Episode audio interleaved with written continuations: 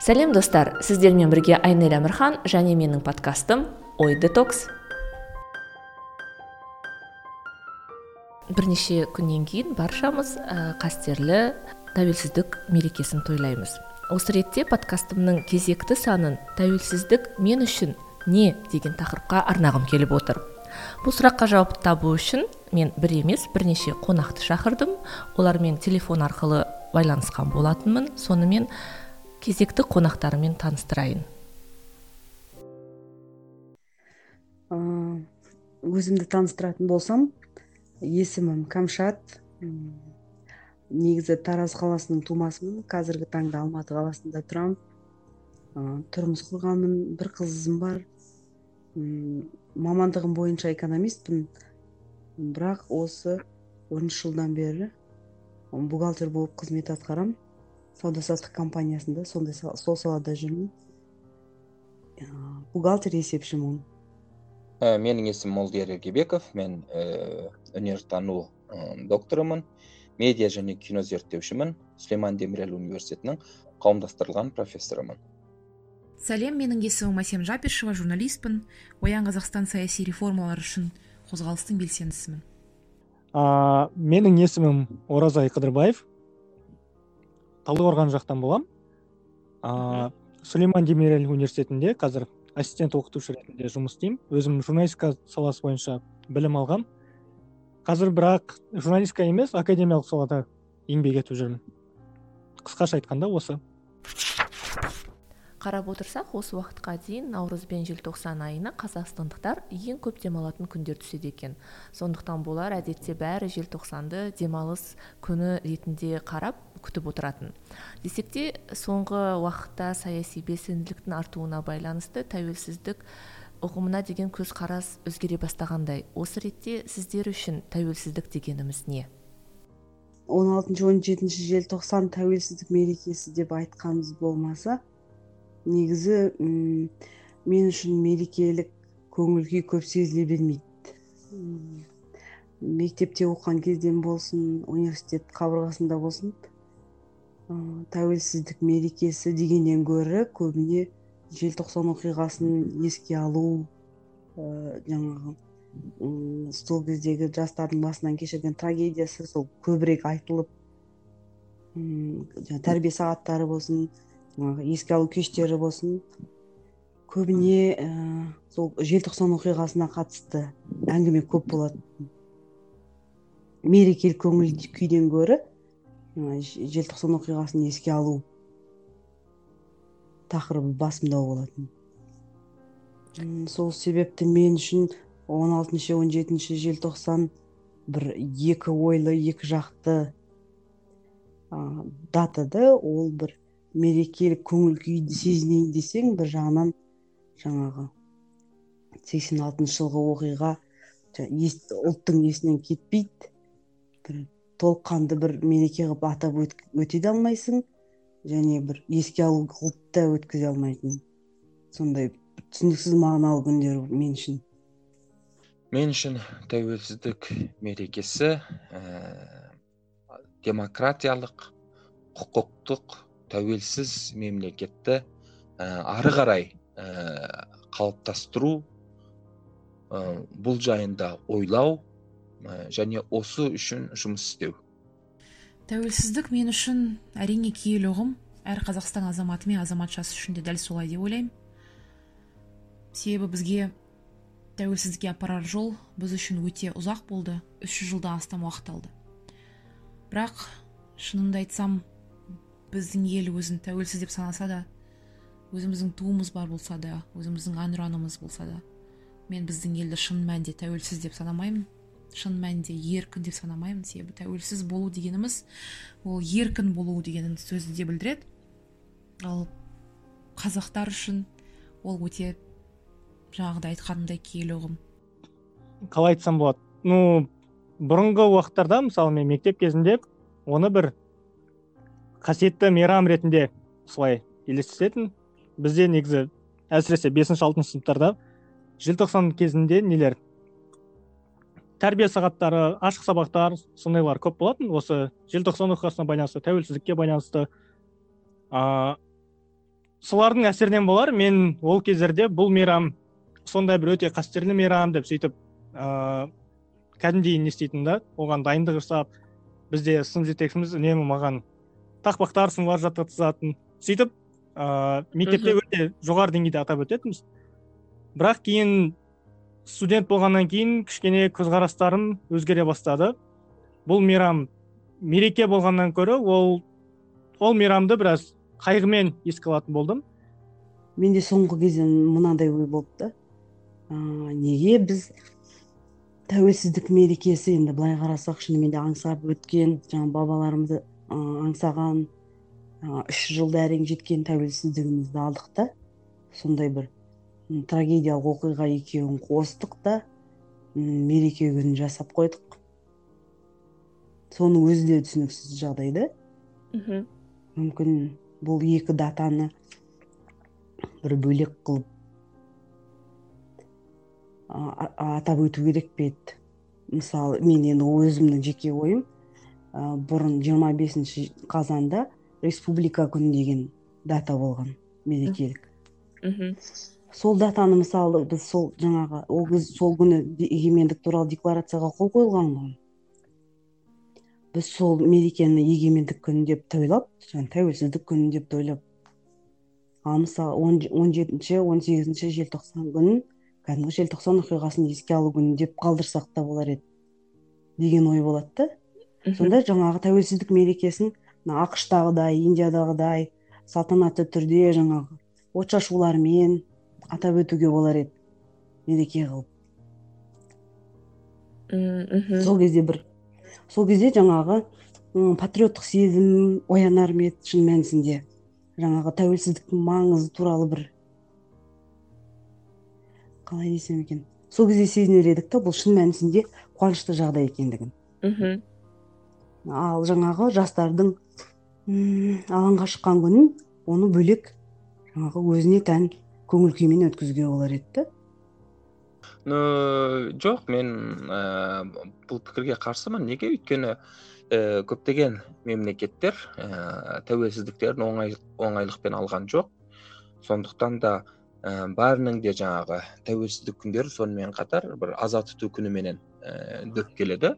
Ә, бірақ ол мемлекеттер ә, әрі аза тұтып әрі тәуелсіздіктерін ә, тойлайды. Неліктен өйткені расында да ә, бұл иә керемет нәрсе. Ә, бұл ә, тәуелсіздік үшін көптеген адам құрбан кетті.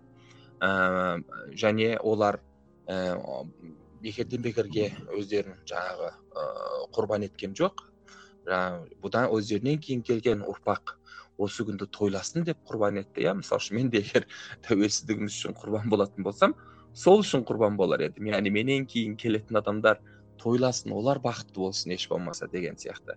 Сондықтан да ә, керісінше бұл тәуелсіздік күніменен жаңағы желтоқсан оқиғасы сияқты ә, жаңаөзен оқиғасы сияқты маңызды күндерді бір күнде жаңағы тойлап атап өтуге болады деп ойлаймын. Желтоқсан айында тәуелсіздік күні қарсаңында бір ауада қандай да бір үрей пайда болатындай мемлекет тарапынан әсіресе билік тарапынан. Ол үрейдің себебі неде және мемлекет билік неге жастардан күмәнданады? Қазіргі кезеңде тіпті әлемде ең көп ә, еңбекшілердің ә, жаңағы ә, жалпы қара халықтың құқын қорғап жүрген ә, қауымдастық бұл студенттер қауымдастығы. Ә, бұл алпысыншы жылдары пайда болған студенттер қозғалысы әлемде ешқашан жаңағы ә, тарап кеткен жоқ. Мынау осыдан бірнеше жыл бұрын түркияда болды. Мысалы үшін мынау гези оқиғалары гези паркі оқиғалары бұл да студенттердің бастауыменен пайда болған оқиға еді. Ә, грецияда болды және тағы да басқа бірнеше жаңағы европаның және африканың және мынау араб түбегінде болған ә, оқиғалардың ең негізгі центрінде орын алған адамдар олар студенттер еді. Сондықтан да біздің елдің саяси билігінің де студенттерден қорқатындай жөні бар деп ойлаймын. Бірақ өкінішке орай 86 жылдан кейін студенттеріміз ә, саяси өмірменен бір тікелей ә, айналысқан жоқ. Өйткені 86 өте үлкен бір травма қалыптастырды қоғамда. Ә, 86 жылдан кейінгі болған қудалаушылықтар тіпті ә, жаңағы қайрат рысқұлбековтың ә, не қылуы өлімі мәселесі ә, көптеген студенттерді қалай деп айтсам болады ә, саяси өмірден алыстатты. Сонымен қатар мына тәуелсіздік алуымыз негізінде сексен алтыншы жылғы оқиға өзіңіз де білетіндей ә, кеңес советтер одағының тарауына тікелей әсер еткен фактор деп ойлаймын. Өйткені сол сексен алтыншы жылдан кейін білесіз ә, литва ә, латвия және эстонияда да студенттер қозғалысы болды. Ә, нәтижесінде советтер одағы тарап кетті. Ә, и біз тәуелсіздігімізді алдық. Бұл тәуелсіздік расында да ә, бәріміздің жаңағы көкірегімізге бір дем берді. Ә, жаңағы ә, мінекей біз де тәуелсіз ел болдық. Қазақ деген жаңағы халық бұл әлемдегі барлық халықтарменен бірдей теңдес бір ә, құқыққа ие болды деген сияқты бір мақтаныш ә, бәлкім біздің жаңағы көкірегімізде от жақты ғой деймін. Ә, студенттеріміз жалпы мынау ә, саяси өмірден алыстай бастады. Мысалы үшін мен 96 екі мыңыншы жылдар аралығында қазақстанда студент болған кезінде бір ә, саяси өмірменен ә, оншақты көп араласпайтын едік. Ә, ал 2000 жылдардан бастап ә, араласқысы келгендерді де жаңағы осылай ә, қалай деп айтсам болады ә, бір ә, репрессиямен яғни бір қысымменен ә, оларды ә, жаңағы уысында ұстап тұрды. Саяси билік артынша бірінші президент күні деген мереке пайда болды. Ә, и осылайша ә, мынау тәуелсіздік ә, күні және сонымен қатар ә, желтоқсан ә, оқиғасы болған күні деполитизацияланды яғни саясызластырылды ә, саясаттан алыстатылды. Ә, ол қолмен жасалып жатыр және студенттер де дәл сол күндері ә, әсіресе мемлекеттік ә, жоғарғы оқу орындарындағы студенттер үйлеріне немесе жіберіледі немесе сол студенттің сол университеттің ұстаздары арқылы оларды жаңағы ә, жатақханада анда мында ұстап тұрады деген сондай өте үлкен қауесеттер бар. Мишель фуко деген ойшыл болған жиырмасыншы ғасырда өмір сүрген ол кісі нені? Билік теориясын көп зерттеген. Жалпы билік деген не нәрсе? Ол қалай пайда болады? Ә, қалай жүзеге асырылады? деген секілді. Және ол мынандай қорытындыға келген. Негізі біз көпшілігіміз ойлаймыз ғой билік деген ол жоғары жақтан төменге қарай келетін бір нәрсе деп. Яғни билік дегеніміз ол мемлекеттен пайда болады да. Сөйтіп ол төменге төмен әсерін тигізеді. Бірақ мишель фуко керісінше айтады ол билік дегеніміз керісінше төменнен бастап жоғары жақтағы билікті қалыптастырады дейді. Яғни біздің күнделікті өміріміз мыңдаған түрлі билік қарым қатынасынан тұрады дейді. Ә, яғни мектептегі мысалға оқушы мен ұстаздың немесе үйдегі ә, бала мен анасының анасы мен оның атасының немесе жұмыс беруші мен жұмысшының деген секілді сондай қарым қатынасы билік қарым қатынастарын қалыптастырады дейді және осы қатынастар ә, үлкен билікке апарады дейді да. Және мынандай қорытындыға келген біз төмендегі билік ә, қарым қатынастарын түзетпей жатып жоғарыдағы билікті түзете алмаймыз. Яғни мемлекет деңгейінде бір өзгерістер болу үшін біз ә, мысалы мектепте оқушы мен мұғалім немесе үйде ата анасы мен баласы теңдей қарым қатынас құрып бір бірлеріне ой пікірлерін ашық айтып сондай бір жағдай жасалу керек дейді. Ә, менің ойымша біздің елде біз өзімізді 91 жылы тәуелсіздік алдық деп ойлағанымызбен әлі тәуелсіз емеспіз. Негізі тәуелсіздіктің өзі сол. Еркіндік азаттық деген сөздің синонимі ғой. Бірақ біздің құқық соншалықты бір әлі күнге дейін еркіндікке қауыша алған жоқ. Ол мемлекет деңгейінен бастап сол ең төмендегі нелерге дейін да. Ә, жаңа отбасы мектеп балабақша жұмыс орны деген секілді ә, майда майда билік институттарына дейін сондай бір ә, еркіндікке қол жеткізе алмадық. Яғни біз айтқым келгені мынау ғой. Біздің еліміз ә, шын мәнінде әлі тәуелсіздікке жеткен жоқ. Ал шын мәнінде тәуелсіздікке жету үшін біз бұл мемлекеттің азаматтары еркін ойлы болу керек. Ә, үйде мысалы ә, жанұяда әйел мен күйеуінің немесе баласы мен ата анасының арасында теңдей қарым қатынас орнауы керек. Олар бір бірлерінің құқықтарын аяққа таптамай бір бірлерімен тең дәрежеде ашық сөйлесе алатын немесе университетте профессор мен студент арасында тең дәрежеде ә, қарым қатынас болу керек. Мысалы профессор студентті білімсіздігі үшін немесе оның дәрежесінің төмен болған үшін кемсітпеу керек оның құқықтарын аяққа таптамау керек деген секілді. Сондай нәрселер болу керек. Және біздің елде әлі ондай нәрселер болған жоқ. Және сол себепті де біз біздің мемлекетте әлі бір сондай егемендік болды деп айта алмайтын едім. Және біздің сол негізі 16 алтыншы мейрамды бір еркіндіктің тәуелсіздіктің мейрамы емес сондай бір қорқыныштың үрейдің мейрамы ретінде атап өтуімізде де сол шынайы еркіндікке қауыша алмауымыз жатқан секілді. Себебі журналист ретінде көріп жатырмын. Ә, бізде ешқандай сөз бостандығы жоқ ешқандай еркіндік жоқ. Ә, дәл қазір шымкент қаласында амангелді батырбеков деген журналист ә, фейсбукте айтқан сөздер үшін билікті сынаған үшін екі жыл үш айға түрмеге сотталып жатыр. Оның барлығы біздің елдің тәуелділігінің белгісі деп есептеймін. Ә, менің ойымша біздің мемлекетіміз қазір ә, бүгін ғана осы деректерді көрген едім. Қазақстан сөз бостандығы бойынша қаншасыншы орында екен демократия индексі бойынша қаншасыншы орында екен жемқорлық индексі бойынша қаншасыншы орында екен деп. Бірақ олардың ешқайсысында бір жақсы бір нәтиже көре алмадым. Мысалы сөз бостандығы бойынша жүз жүз жетпіс мемлекеттің ішінде қателеспесем жүз елу сегізінші орында тұрмыз ә, демократия жаңағы еркіндік индексі бойынша екі жүзге жуық мемлекеттің ішінде жүз жетпіс бірден жүз жетпіс үшінші орында тұрмыз қателеспесем ә, жемқорлық индексі бойынша жүз жиырма төртінші орында тұрмыз яғни сондай ең арттағы бір мемлекеттердің қатарындамыз да еркіндік бойынша жаңа жариялылық бойынша ә, менің ойымша қазақстан сөз бостандығы бойынша жаңағы гендерлік теңдік бойынша жемқорлықтың жоқтығы бойынша алдыңғы қатардағы мемлекетке айналған кезде әлемдегі топ ондыққа кірген кезде мүмкін шын мәнінде бір тәуелсіздікті тойлайтын шығармыз.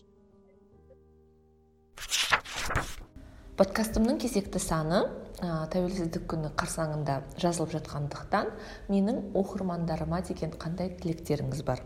Тыңдармандарға айтарым тек ә, шын мәнісінде әрқайсымыз патриот болайық. Ә, отбасымызда балаларымызға бауырларымызға бұл мерекенің маңызы туралы айтып отырайық. Мүмкін шынымен де білмеген кісілер болса бұл желтоқсан оқиғасы деген осындай оқиға болған тәуелсіздік алуымызға түрткі болған тәуелсіздігіміз туралы декларация тәуелсіздік туралы заң осы күні қабылданған деп айтып отырайық. Жай ғана күнтізбедегі қосымша демалыс күні болып қалмасын дегім келеді. Егер де мүмкін мемлекеттік деңгейде ә, керемет тойланып жатпаса да өз отбасымызда жаңа жаңа жылды керемет салтанатты түрде тойлап жатамыз ғой. Сол сияқты тәуелсіздік мерекесінде де тым болмаса өз отбасымызда өз шаңырағымызда дастархан жайып бір бірімізді құттықтап шат шадыман көңіл күйменен атап өтейік ең басты құндылық адам ретінде болсын ұлт ретінде болсын тәуелсіздік екені рас қой енді соған лайық болсын мерекелегеніміз тойлағанымыз дегім келеді қоғамымызда ә, сыни көзқарас ә, жоқ қоғамымызда сыни көзқарас жетіңкіремейді ә, біздің тіпті мен ә, жаңағы демократиялық ә, институттар бар ә, біздің кейбір газеттеріміз кейбір жаңағы ә, медиа органдарымыз иә олар өте демократиялық құндылықтарды ә, жақтайды. Ә, десек те солардың өзінде де мен осынау сыни көзқарасты оншақты көп көре бермеймін. Ә, көбінесе бір жалған патриотизм ә, тек қана жаңағы ә, билікті жамандау деген сияқты тенденция бар. Оның орнына ә, жаңағы біз медиамызды қаншалықты ә, плюрал қыла аламыз деген сияқты жауап іздемейді. Қаншалықты біз мысалы үшін медиамызды ә, сексист емес ә, қоғамның барлық мүшелерін толық қамтитын ә, сондай бір нағыз медиаға айналдыра аламыз ә, деп ойламайды. Ә, бұның да себебі деп ойлаймын. Жаңағы сыни көзқарастың ә, кемдігі. Сондықтан да мен сіздің тыңдармандарыңызға ә, сыни көзқарасқа ие болуларын егер ә, айнел ханым сіз ә, сіздің тыңдармандарыңыз жаңағы демократиялық құндылықтарға ие болғысы келетін адамдар шығар деп ойлаймын. Сондықтан да егер ондай бір құндылыққа ие болғыңыз келсе ә, демократия жайында көптеп оқуларыңызды көптеп ойлануларыңызды ә, және көпшіл болуларыңызды ә, тілеймін. Көпшіл дегенде плюрал мағынада айтып отырмын жаңағы мажорити мағынада айтып отырған жоқпын. Яғни әртүрлішіл әртүрлішіл яғни қоғамның әртүрлі ә, мүшелерін де қамтитын ә, көпшіл ә, болуларын тілеймін.